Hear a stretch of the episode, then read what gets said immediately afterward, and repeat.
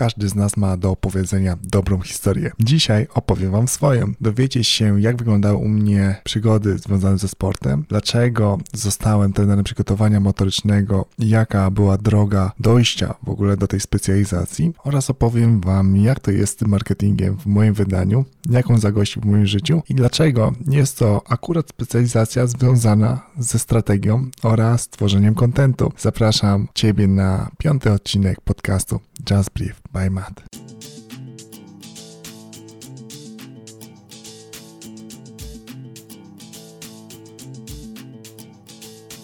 Słuchasz podcastu Just Brief. Ja nazywam się Matko Smaczewski i jestem trenerem przygotowania motorycznego oraz content kreatorem. W tej audycji na luzie opowiadam o sporcie, marketingu i życiu. Dzielę się swoimi przemyśleniami, wiedzą, więc jeżeli szukasz inspiracji i chcesz mierzyć coraz wyżej, to ten podcast jest dla Ciebie.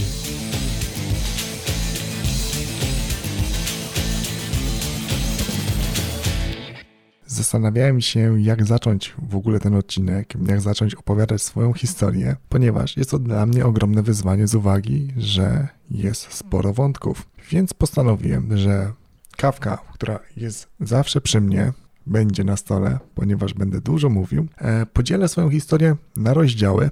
Pierwszy z nich będzie dotyczył przygody związanej ze sportem, drugi będzie dotyczył przygody związanej z marketingiem, a trzeci będzie dotyczył drogi do zostania trenerem przygotowania motorycznego oraz aspektu mentalnego. I ten ostatni aspekt będzie się przewijał w każdym rozdziale w mniejszym lub większym natężeniu, więc tak naprawdę możemy zacząć. A moja przygoda związana ze sportem zaczęła, zaczęła się od tego, że babcia, kiedy byłem małym szkrabem, po prostu kopała ze mną w piłkę. Kopała to jest trafne słowo, bo ciężko nazwać to grą w momencie, w którym ledwo stoicie na nogach i w zasadzie o nie się potyka. Jednak jest to pierwszy element styczności w ogóle z jakąkolwiek grą sportową i w zasadzie z aktywnością fizyczną, która została do dnia dzisiejszego. I jak to bywa z początkami, to wraz ze znajomymi stworzyliśmy sobie ekipę, która regularnie grała w piłkę tamtym okresie nie mieliśmy tak pięknej infrastruktury, jaka jest teraz. Naszym boiskiem była ulica, a za bramki robiły nam cegły, które były postawione po przeciwległych stronach. Przeszkodą oczywiście byli mieszkańcy i samochody, które podążały po, to, po tej ulicy, a to też musisz wiedzieć, że wtedy raczej to nie był asfalt, tylko szlaka, więc za każdym razem, kiedy przyjechał samochód, sporo kurzu było w powietrzu. Jeżeli jest to pora letnia, wiosenna, no to możesz sobie wyobrazić, jak reagowali sąsiedzi na fakt, że grupka szkrabów biega za piłką, robiąc przy tym poro hałasu i jednocześnie kurząc dookoła bardzo mocno. No takie były początki i doskonale pamiętam, że w tamtym okresie, kiedy spotykaliśmy się, nie było problemu z umówieniem się na konkretną godzinę, z umówieniem się, jeżeli chodzi o skompletowanie ekipy. Dzisiaj jest to niezmiernie dużym wyzwaniem, mimo tego, że bardzo łatwo się komunikować. A anegdotka związana z piłką w tamtym okresie jest taka, że w momencie, kiedy któryś z uczestników dostał kornery, to są takie czarne gumowe buty, korki, to można powiedzieć, że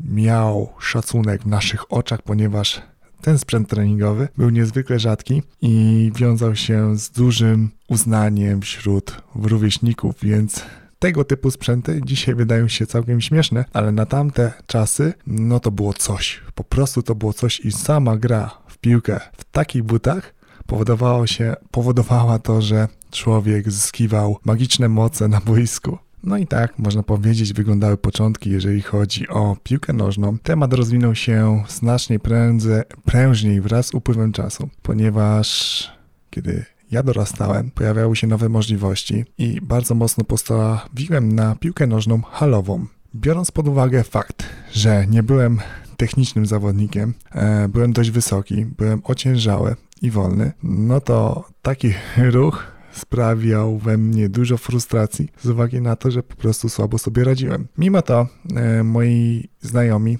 mm, bardzo mocno postanowili na tę aktywność, jeżeli chodzi o grę w piłkę, a ja będąc małym szkrabem podążał za nimi. To spowodowało, że wraz z upływem czasu moje umiejętności stawały się coraz lepsze. Kiedy zacząłem dorastać. No nie, zacząłem dorastać, to będzie złe określenie, ale kiedy dorosłem, czyli już powiedzmy w wieku 20 lat, grywałem e, w ligach miejskich, reprezentowałem uczelnię, właśnie e, grając w piłkę nożną halową i pamiętam dokładnie, że w momencie, kiedy wcześniej za małego szkraba e, byłem wyśmiewany za swoją toporność, tak później ta toporność została zniwelowana na rzecz charakteru, na rzecz odpowiednich skilli, które pomogły mi realizować się jako zawodnik futsalowy, a moją ulubioną pozycją była obrona. Niestety przyszedł taki moment, że doznałem kontuzji. Kontuzji, która zakończyła moją przygodę z piłką nożną, a nastąpiło to w wieku 25 lat, kiedy przygotowując się do zawodów, to chyba było, tak, to były zawody związane z brazylijskim jiu-jitsu, o tym będę mówił później. Poszedłem wraz ze znajomymi zagrać luźniutki mecz na hali. No i podczas tego meczu doznałem kontuzji, która jak się okazała zakończyła moją karierę, ponieważ wylądowałem na stole operacyjnym. E, okazało się, że miałem pękniętą kość udową. Oczywiście to nie było ogromne pęknięcie, jednak Uszkodzenie to spowodowało również to, że nie tylko kość udoła została uszkodzona, ale również łękotka, ścięgno i cała sprawa zakończyła się, tak jak wspomniałem wcześniej, na stole operacyjnym i trudno było mi później zaufać swojej nodze oraz samemu sobie, jeżeli chodzi o powrót do gry w piłkę. W ten oto sposób przygoda z piłką dobiegła końca. Jednak w międzyczasie, kiedy grałem w piłkę, zacząłem również w pewnym momencie uprawiać bieganie długodystansowe. A zainspirował mnie do tego mój przyjaciel Jarek, który pewnego dnia wyciągnął mnie właśnie na przebieżkę. Dokładnie pamiętam ten dzień, ponieważ było to późną jesienią i biegliśmy przez kilometr i ten kilometr był straszny ja nienawidziłem biegać, a bieg ciągły w postaci jednego kilometra, w którym zatrzymujesz się paręnaście razy, żeby złapać oddech, no nie jest najprzyjemniejszym najprzyjemniejszym sposobem spędzania czasu, zwłaszcza kiedy uznajesz siebie za wysportowaną osobę, a rzeczywistość szybko to zweryfikowała.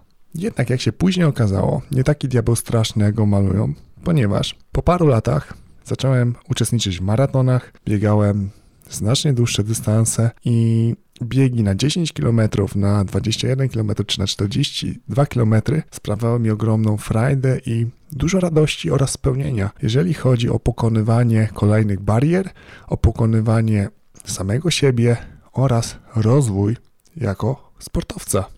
Jednocześnie to podczas biegania doświadczałem pewnego stanu, ja to nazywałem stanem płynięcia, gdzie mój umysł był czysty, Biegło mi się wtedy bardzo przyjemnie. Wszystkie problemy i myśli związane z rozwiązywaniem problemów czy z ogarnięciem rzeczywistości schodziły na dalszy plan. Ja mogłem się skupić tylko i wyłącznie na kroku biegowym, scalić się, można powiedzieć, z otaczającą mnie rzeczywistością.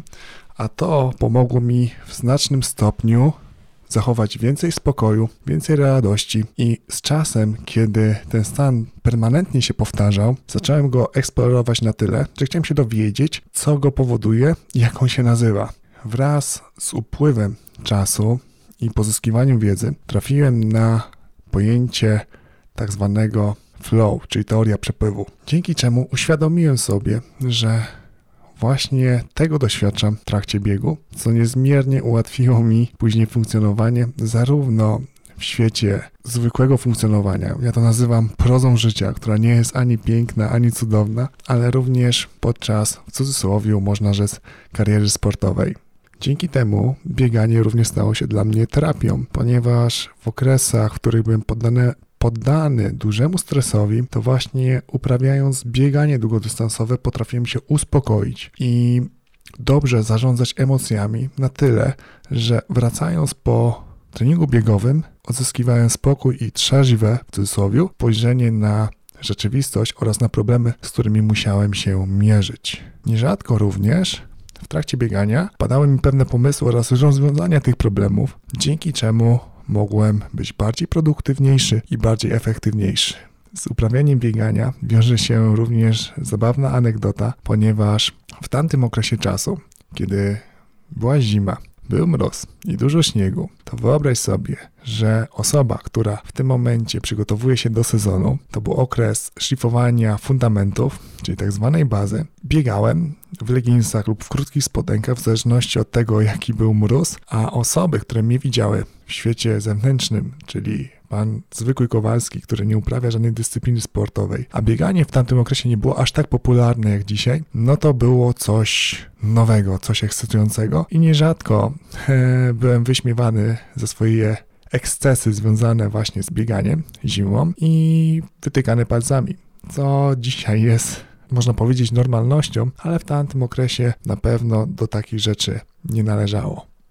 Kiedy bieganie bardzo mocno zagościło w moim życiu, twierdziłem, że warto robić ciekawe rzeczy, to wpadłem na pomysł wraz z moim przyjacielem Tomkiem, że zaczniemy sobie biegać w Wigilię. Po prostu zrobimy sobie przysłowiowe miejsce na posiłek, tak żeby nie mieć wyrzutów sumienia, że spożyliśmy za dużo kalorii. Więc e, o 10 rano spotkaliśmy się pierwszy raz 10 lat temu nad jeziorem Wenecja w Gnieźnie i przebiegliśmy wspólnie 10 km.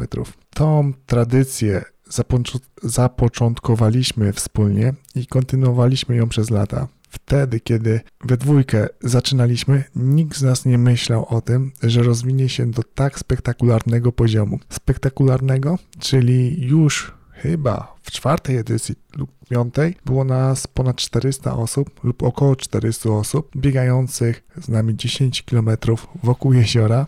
Mało tego, Tomek y, zaczął organizować zbiórkę dla osób, które są potrzebujące, więc mieliśmy de facto połączenie biegu z chęcią niesienia pomocy, czyli była to tak zwana akcja charytatywna dla wybranej osoby i dzięki temu biegając mogliśmy pomagać innym ludziom. Nie zapomnę tego uczucia, kiedy chyba podczas trzeciej edycji, kiedy przyszliśmy nad jezioro i zobaczyliśmy, ile ludzi faktycznie przybyło na to, żeby z nami biegać, było to dla nas szokiem, bo przypomnę Tobie, jeszcze rok wcześniej e, było nas tylko dwóch, później było nas siedmiu, a później było już ponad 100 osób, a bieganie wtedy nie było aż tak popularne. Bieganie w ogóle w Wigilię było czymś absurdalnym, ponieważ wszyscy wtedy są zabiegani i zajęci zupełnie innymi sprawami, a sportowy lifestyle, czy biegowy lifestyle dopiero się rozkręcał. Więc widok takiego ogromu ludzi sprawiał, że uśmiech nam pojawiał się na twarzy od ucha do ucha, a radość, która zagościła w naszych sercach, była nie do opisania. Przygodę z bieganiem zakończyłem w jednym z maratonów w Poznaniu, kiedy poświęciłem chyba rok na to, aby przygotować się do złamania 3 godzin w maratonie. No i niestety zakończyło się to porażką z uwagi na to, że w pewnym momencie, kiedy wszystko przebiegało bardzo dobrze, na 17 kilometrze zaczął boleć mnie mocno brzuch.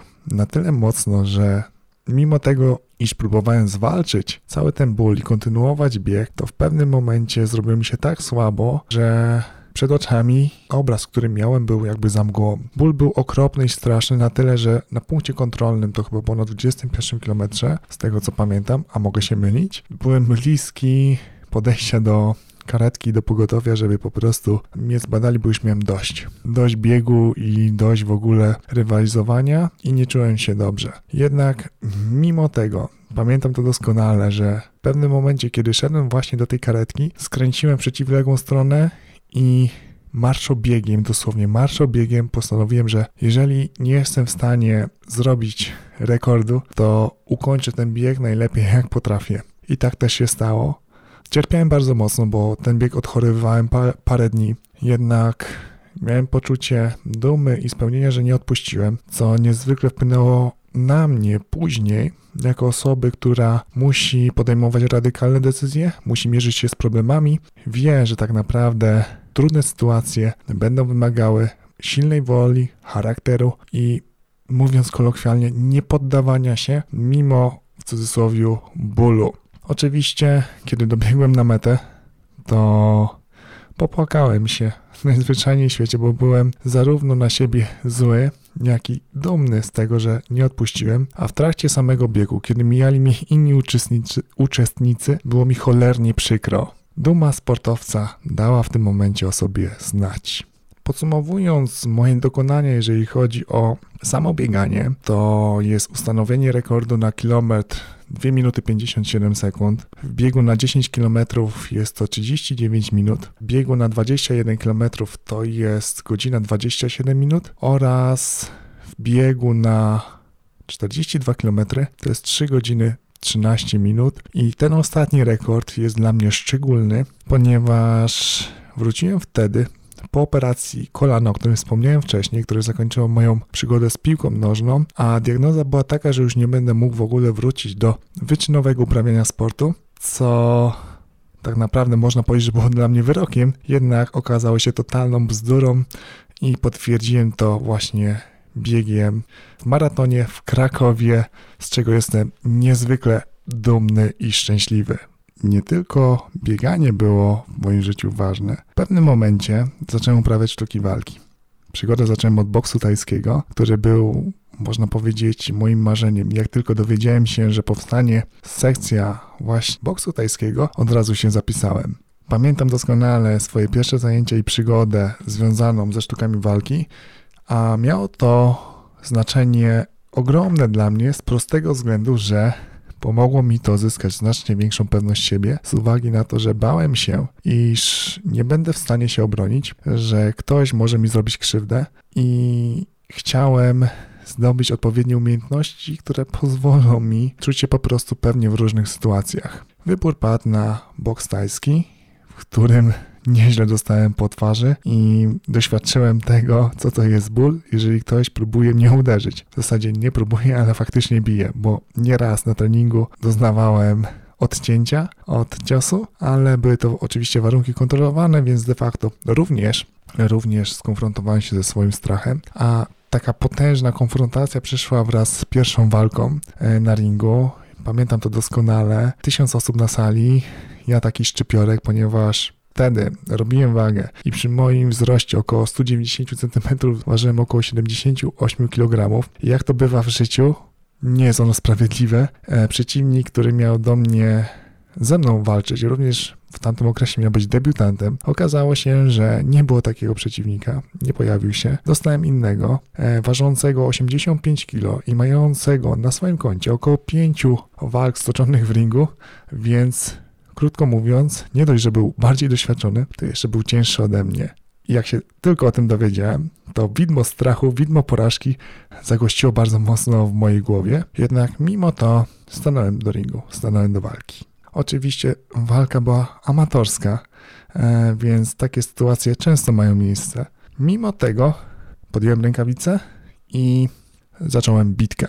Bitka, czyli można powiedzieć wojna na ringu, nie, nie, nie przebiegała w taki piękny sposób, jak to widzimy dzisiaj w telewizji. E, w zasadzie byłem tak zestresowany, że cały game plan mogłem sobie wyrzucić do kosza. E, jednak w trakcie trwania tej walki powaliłem przeciwnika dwa razy w trakcie pierwszej rundy e, i można powiedzieć, że runda była dla mnie. Jak ją oglądam i wspominam, teraz, z perspektywy czasu, to co ja robiłem w ringu, nie można było to nazwać super walką. W drugiej rundzie natomiast dostałem takie bęcki, tak się zestresowałem, że nie mogłem oddychać. Płuca odmówiły posłuszeństwa, dłonie były jak z ołowiu, nogi nie chciały poruszać się tak, jak ja tego oczekiwałem i poddałem się.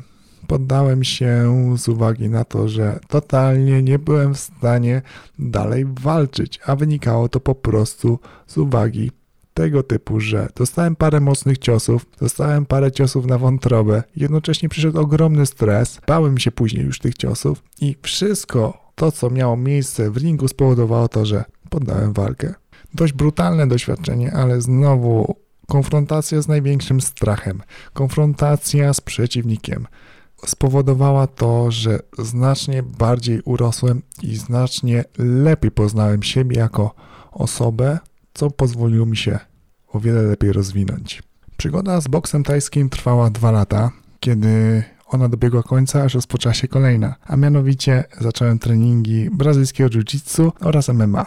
Do uprawiania brazylijskiego jiu-jitsu zachęcił mnie Łukasz Bosacki, e, który stwierdził, że warto by było, żebym spróbował. Pożyczył mi gi i tak zaczęła się przygoda związana z brazylijskim jiu-jitsu, która trwa do tej pory. Moim trenerem jest Przemysław Gnat oraz Maciej Kowalski, którzy stworzyli klub Walka Gniezno i robią kapitalną robotę i wielu ludzi, których spotykam na macie, są świetnymi zawodnikami oraz osobowościami, od których mogę się naprawdę, naprawdę dużo uczyć, za co serdecznie im dziękuję i co zawsze będę podkreślał, że tak naprawdę brazylijskie jiu-jitsu ukształtowało mój charakter, ukształtowało moją mentalność i sprawiło, że stałem się naprawdę pewnym siebie, mimo tego, że moja budowa jest wątła, w cudzysłowie oczywiście, bo historia mojego ciała jest związana z dyscyplinami, z dyscyplinami sportowymi, które uprawiałem, ale konfrontując się w trakcie walki z cięższymi od siebie, mogłem po prostu zwiększyć swoją pewność siebie i jednocześnie poprzez umiejętności, których nabywałem wraz z latami spędzonymi na macie, stałem się o wiele spokojniejszy, o wiele sprawniejszy i jednocześnie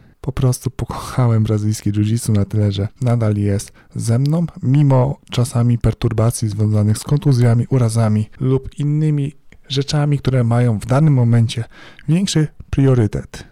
Doskonale pamiętam swoją pierwszą walkę w brazylijskim jiu-jitsu. Był to Puchar Polski i uwaga, walka trwała chyba niecałe 20 sekund od momentu jej rozpoczęcia. Dostałem dźwignię na łokieć i tak w zasadzie zakończyły się moje pierwsze zawody i były to zawody, w których byłem strasznie zły na siebie, z uwagi na to, że trwały tak krótko. Moje zmagania e, poprzez moje błędy, które zostały wypunktowane e, bardzo szybko sprawiły, że Znowu wróciła ta sportowa złość, nadszarpnięta duma i zawód w stosunku do samego siebie.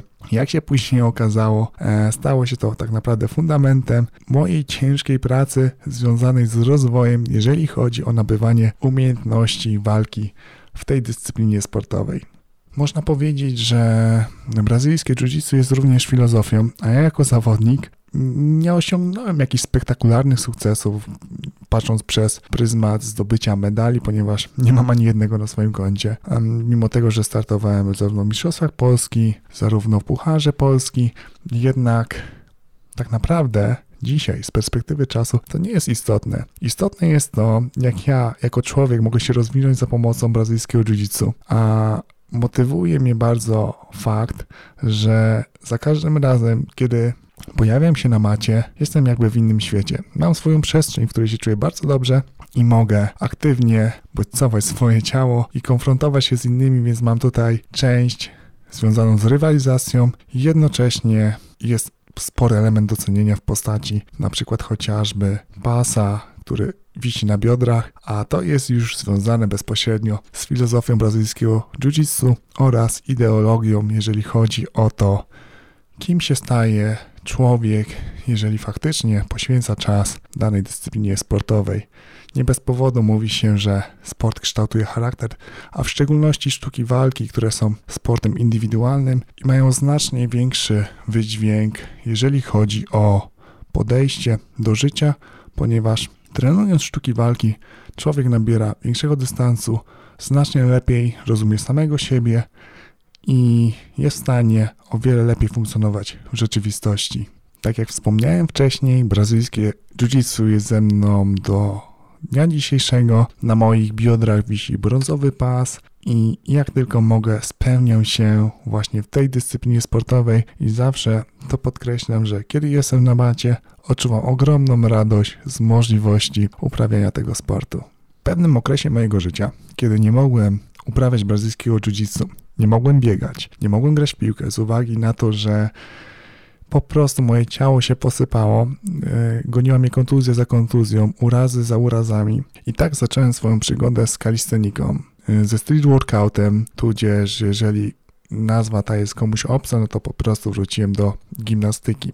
I ta aktywność na tyle mi się spodobała, że nie dość, że mogłem eksplorować swoje ciało, eksplorować ruch w różnych jego wariantach, to jednocześnie czułem, że moje ciało jest wzmacniane. Oczywiście wiązało się to wszystko to, że kalistonikę zacząłem uprawiać bardzo późno, bo chyba w wieku 30 lat, więc de facto już byłem o wiele mądrzejszy, jeżeli chodzi o aspekty sportowe. Już zacząłem zdobywać wiedzę, jeżeli chodzi o świadomość rozwoju ciała i jego trenowania. Więc trafiając na ten rodzaj sportu tak naprawdę okazało się, że był spoiwem i pozwolił mi wzmacniać moje słabe ogniwa, dzięki czemu jako zawodnik mogłem się lepiej rozwijać. I uważam, i takie jest moje zdanie subiektywne, że dzięki temu, iż zacząłem uprawiać kalistenikę, a przygoda z nią trwała tak naprawdę 3 lata, na ten moment nie mam kontuzji. Na ten moment moje ciało jest na tyle wzmocnione, że nie mam większych problemów z urazami, a to po prostu wynika z dobrego programowania treningu, o którym będę mówił jeszcze później. Natomiast wracając do samej kalisteniki i do street workoutu, to u mnie w mieście nie było w ogóle infrastruktury, żeby można tę dyscyplinę uprawiać. Mówiąc, że nie ma infrastruktury, mam na myśli, nie mieliśmy żadnego parku, które są dzisiaj powszechne. Pierwsze treningi były z wykorzystaniem infrastruktury miejskiej. Trzepaki, czy inne rzeczy związane z placami zabaw, płoty, nie płoty, takie miejskie rzeczy, które miałem na wyciągnięcie ręki. Z czasem jednak, kiedy nadarzyła się okazja, napisałem pewien projekt związany właśnie z przestrzenią do treningu kalisteniki i do uprawiania sportu. Jak się okazało, całe moje doświadczenie związane i z marketingiem, i ze sprzedażą oraz e, z pisaniem projektów spowodowały, że finalnie otrzymałem na swoje przedsięwzięcie, czyli na zbudowanie placu, grant w wysokości 100 tysięcy złotych i plac, taki jaki chciałem, stał się rzeczywistością w miejscu, w którym chciałem, czyli nad jeziorem, tam gdzie biegałem i w zasadzie dużo czasu spędzam właśnie spacerując chociażby wokół jeziora, e, więc poniekąd spełniło się moje marzenie. Może nie spełniło, ale zrealizowałem swoje marzenie, a realizacja tego przedsięwzięcia zajęła mi rok, gdzie mogłem pilotować cały rozwój, jeżeli chodzi o powstawanie parku, który notabene sam zaprojektowałem. Jestem niezwykle dumny, że mogłem połączyć wszystkie kropki, jeżeli chodzi o wiedzę zarówno sportową, marketingową, sprzedażową, wystąpienia publiczne, czyli również mamy tutaj prezentację, którą musiałem wygłosić niejednokrotnie i w różnych sytuacjach, sztukę negocjacji, ponieważ musiałem rozmawiać chociażby z politykami czy osobami, które odpowiadają za realizacje związane z wydatkowaniem budżetu miejskiego. Wszystkie umiejętności, których się nauczyłem na przestrzeni czasu, na przestrzeni swojego życia, zaprocentowały, że mogłem zrealizować swoje marzenie i marzenie innych osób, bo oczywiście nie działałem w pojedynkę. E, moi przyjaciele mi w tym pomagali, jednak inicjatywa była po mojej stronie i wszystkie rzeczy w zalążku prowadziłem osobiście, konfrontując się również z wieloma przekonaniami, że tak naprawdę nie można nic w moim mieście stworzyć. Dowiodłem, że jest zupełnie inaczej i chociażby dlatego kalistenika również bardzo mocno zagościła w moim sercu, a ona tak naprawdę spowodowała również to, jak bardzo rozwinąłem się jako sportowiec oraz jako trener. Poznałeś w ten oto sposób y, moją historię związaną ze sportem, przynajmniej w określonych ramach i bardzo ogólnie, ale musisz wiedzieć, że ta cała aktywność sportowa, ona ona postępowała przez cały czas, czyli mogę powiedzieć górnolotnie, przez cały okres mojego życia w różnych etapach. To nie jest tak, że zaczynałem jeden etap, zamykałem kolejny. W pewnym momencie te aktywności ze sobą się przeplatały i ja nadawałem im po prostu większy priorytet, dzięki czemu mogłem w swobodny sposób zarządzać swoją aktywnością sportową, nie wywierając przy tym dużej presji, jeżeli chodzi o to, że mam po prostu poczucie straty, jeżeli weźmiemy kontekst mentalny i kontekst rozwojowy jako sportowca. Ok, to teraz możemy przejść do drugiego rozdziału, jakim jest marketing, e, bo z nim się wiąże bardzo ciekawa historia i ma wiele wspólnego z moją aktywnością sportową, ponieważ moja przygoda z marketingiem zaczęła się równolegle do przygody związanej z bieganiem, a zainspirowała mnie do tego moja koleżanka Martyna, która w pewnym okresie stała się blogerką i patrząc na jej działania stwierdziłem, że również spróbuję swoich sił, jeżeli chodzi o blogowanie. W tamtym momencie nie przypuszczałem, że samo blogowanie stanie się katalizatorem mojego rozwoju jako marketera, jako osoby, która wprowadza produkty na rynek, która pomaga uporządkować procesy związane z marketingiem na skalę ogólnopolską, ale, ale również przy pomocy kreowania marek osobistych, jak i porządkowania ich procesu komunikacyjnego. Wtedy to po prostu było stworzenie dla siebie przestrzeni, w której mogę relacjonować swoje spostrzeżenia, jeżeli chodzi właśnie o element biegania. I tak też rozpocząłem edukację w zakresie marketingu. Oczywiście w tamtym momencie to było element związany stricte z blogowaniem, czyli natknąłem się na copywriting, na pisanie angażujących treści, na kreowanie spójnego wizerunku, na zastanawianie się, jak mam kreować komunikat, co chcę w ogóle przedstawiać i jak to wygląda w świecie blogosfery i czy można na tym zarobić. I tak też trafiłem na osoby pokroju Pawła Tkaczyka, Jasona Hunta, Andrzeja Tucholskiego i innych twórców internetowych, do, o których wcześniej nie miałem pojęcia, a oni również nie byli tak popularni, przynajmniej w mojej rzeczywistości, więc zacząłem się od nich uczyć. I wraz z rozwojem mnie jako osoby, która zajmuje się blogowaniem, a tych blogów miałem trzy, dopiero trzeci zaczął się monetyzować, e, mogę powiedzieć, że zacząłem wnikać w świat marketingu znacznie mocniej. Już odszedłem od samego blogowania. Oczywiście to było moim korowym działaniem, jednak jeżeli chodzi o poszukiwanie wiedzy, zacząłem się interesować całym zagadnieniem w różnych jego płaszczyznach. Od strategii, od osób, które budują marki, jak wygląda proces w ogóle tworzenia marek, jak wygląda tworzenie tak zwanego opakowania, czyli kreowanie popytu. Weszła tutaj mocno psychologia, e, wszedł temat sprzedaży, więc te wszystkie rzeczy związane z całą sferą marketingową zaczęły mnie bardzo mocno pochłaniać. I tak, mój trzeci blok dla mnie osobiście okazał się sukcesem z uwagi na to, że jak dobrze pamiętam, w ciągu roku wygenerował mi przychód w wysokości 20 tysięcy złotych i patrząc na inwestycję, jaką wtedy podjąłem, to było gdzieś około 600 złotych, jeżeli chodzi o zakup infrastruktury, czyli hostingu, domeny, grafiki, szablonów, a kreatywność związana z pisaniem tekstów i w ten sposób budowaniem marki osobistej e, w zwiększeniu wartości postrzeganej i wzbudzeniu większego zaufania swoich odbiorców spowodowało to, że mogłem nawiązywać o wiele lepsze współpracę. Dzięki temu moja marka rosła w siłę i kapitał, który był dla mnie bardzo istotny, ponieważ to było moje drugie źródło dochodu, sprawił, że mogłem przyspieszyć swój rozwój e, właśnie na płaszczyźnie marketingowej.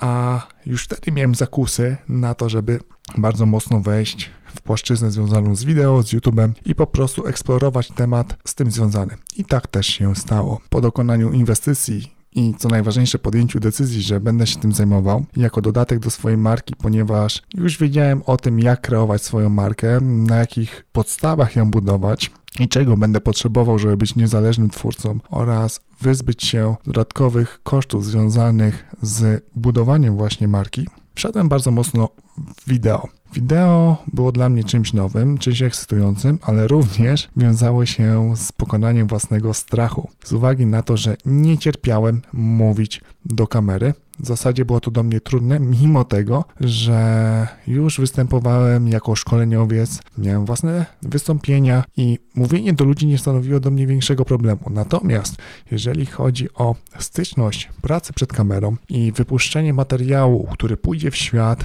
powiedzmy sobie na szeroką skalę, bo internet daje takie możliwości, nagle pokazał, że to tak nie wygląda pięknie, jakby mogło się wydawać. Jak to się mówi, kamera pokazuje zupełnie co innego i nie pokazuje również emocji związanych chociażby z wystąpieniem, więc musiałem się po prostu nauczyć nowych umiejętności, które powodowały, że mój przekaz był bardziej wiarygodny. Pomijam już kwestie związane z montażem, z kompozycją, e, bo to jest temat rzeka i na ten temat będziemy rozmawiać sobie później, jednak po trzech latach nauki związanej z tworzeniem kontentu, w tym wypadku w kontekście wideo, mogę powiedzieć, że był to fantastyczny okres, który dał mi ogrom benefitów i pozwolił doświadczyć procesów związanych z właśnie kreowaniem wizerunku za pomocą wideo, a jak dobrze wiemy, wideo jest mocnym trendem i dzisiaj marki będą zmuszone wykorzystywać ten format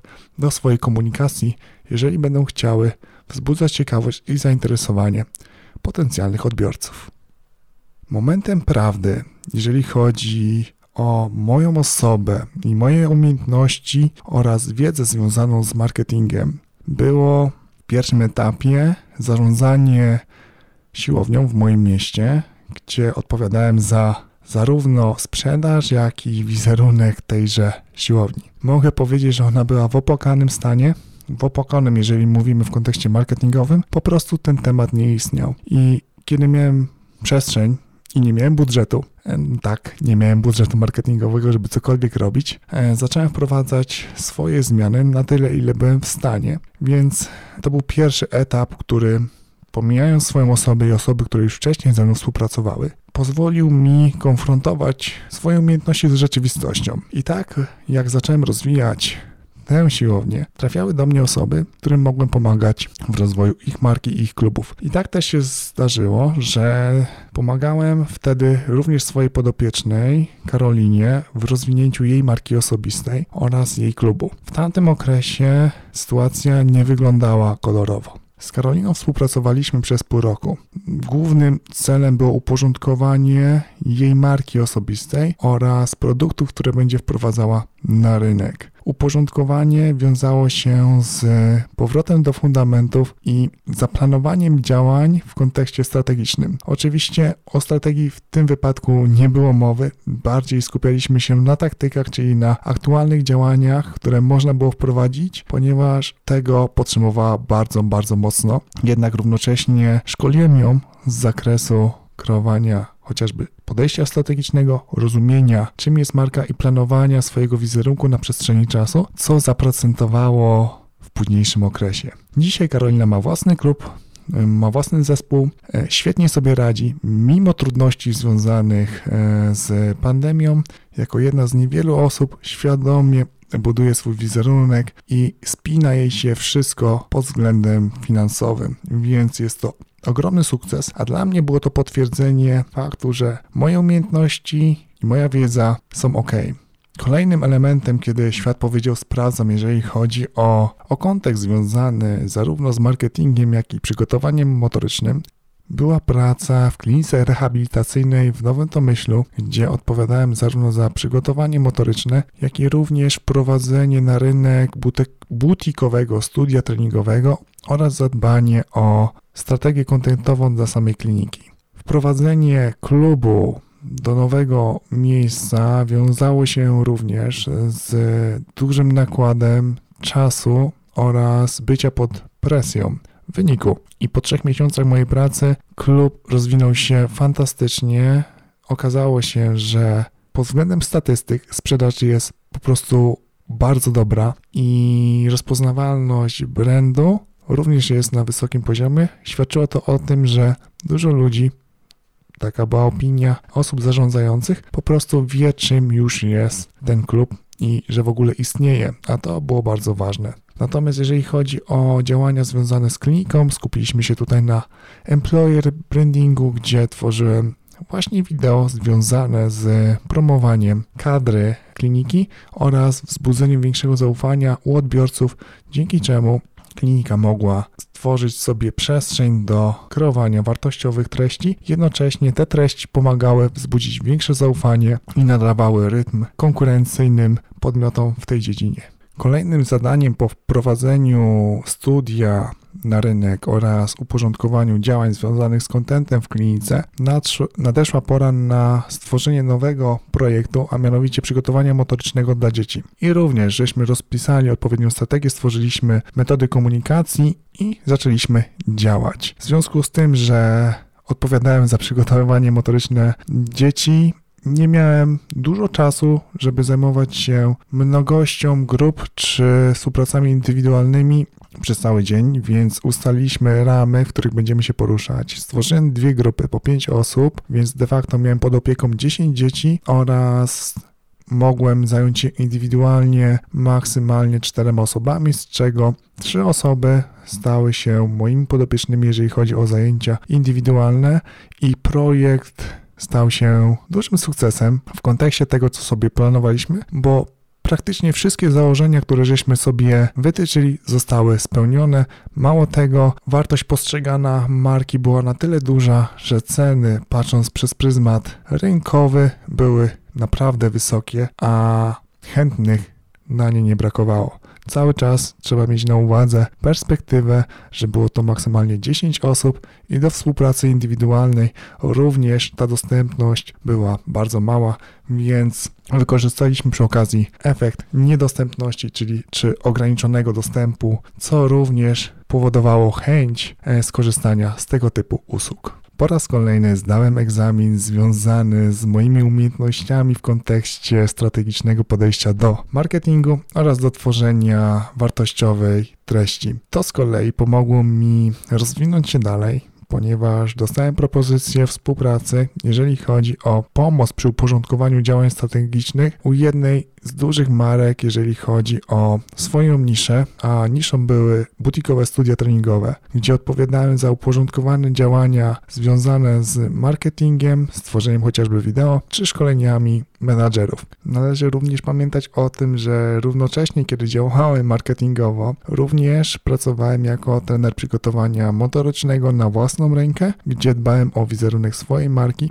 jednak w zależności od popytu na moje usługi w różnych przedziałach czasowych czy różnych, różnych blokach czasowych mogłem spokojnie sobie działać w dwóch płaszczyznach jednocześnie, co również było dla mnie bardzo komfortowe z uwagi, że stale byłem bodźcowany różnymi tematami, a jedną z moich mocniejszych stron to jest kreatywność i nie cierpię monotonii, więc bodźcowanie siebie z różnych perspektyw, o czym wspomniałem wcześniej, było w mojej perspektywie strzałem w dziesiątkę i jednocześnie w obu płaszczyznach czuję się bardzo dobrze oraz w obu płaszczyznach stale się rozwijam, dzięki czemu mój poziom ekspertyzy wzrasta z każdą z każdą zdobytą wiedzą i doświadczeniem. Dzięki czemu ciągle mogę się rozwijać i ciągle mam ten głód zdobywania nowej wiedzy, nowych umiejętności i specjalizowania się w dziedzinach, w których czuję się naprawdę, naprawdę dobrze. Kończąc rozdział związany z marketingiem, e, chcę tylko powiedzieć, że cała przygoda z nim związana ciągle trwa i ciągle poszukuję nowej wiedzy związanej z efektywnością pod kątem właśnie strategicznym, jeżeli chodzi o uporządkowanie działań marketingowych i dobieranie odpowiednich narzędzi, żeby tą strategię wprowadzać do rzeczywistości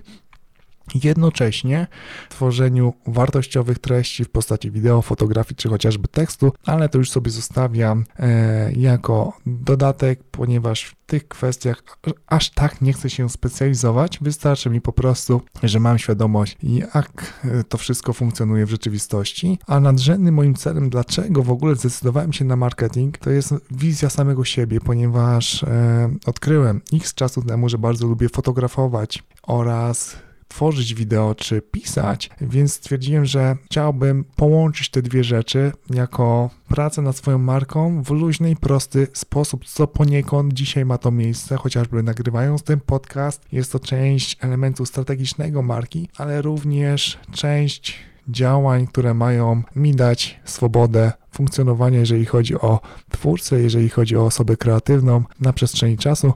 Niebawem również będę chciał zainwestować w sprzęt do fotografii, do wideo już taki profesjonalny, e, więc trzymajcie kciuki, abym jak najszybciej otrzymał narzędzia do pracy, ponieważ już wcześniej pracowałem na dobrym sprzęcie, jednak podjąłem decyzję, że pójdę mocniej w to zagadnienie związane z kreowaniem treści, czyli bycie content kreatorem, a inspiracją dla mnie są osoby, które faktycznie w dużym stopniu opierają swoje działania o tworzenie ciekawego kontentu i jest to niezwykle inspirujące. Pozostał nam do omówienia trzeci rozdział mojej historii, a mianowicie droga, jak zostałem trenerem przygotowania motorycznego i co w związku z tym ma do powiedzenia mentalność. Jak widzisz, cała moja historia związana ze sportem prowadziła mnie do pewnego wniosku, że po prostu chcę trenować ja, efektywnie, ja chcę trenować dobrze, chcę trenować bezpiecznie i chcę posiąść wiedzę związaną z sportem wyczynowym. I taką drogę obrałem, żeby faktycznie zdobyć umiejętności i kompetencje z tym związane. I to trwa od dłuższego czasu. Czyli podstawą jest moja aktywność jako sportowca, amatora na przestrzeni o Jezu, praktycznie całego mojego życia i to mnie skłoniło do tego, że naturalnie zacząłem się rozwijać w tej dziedzinie.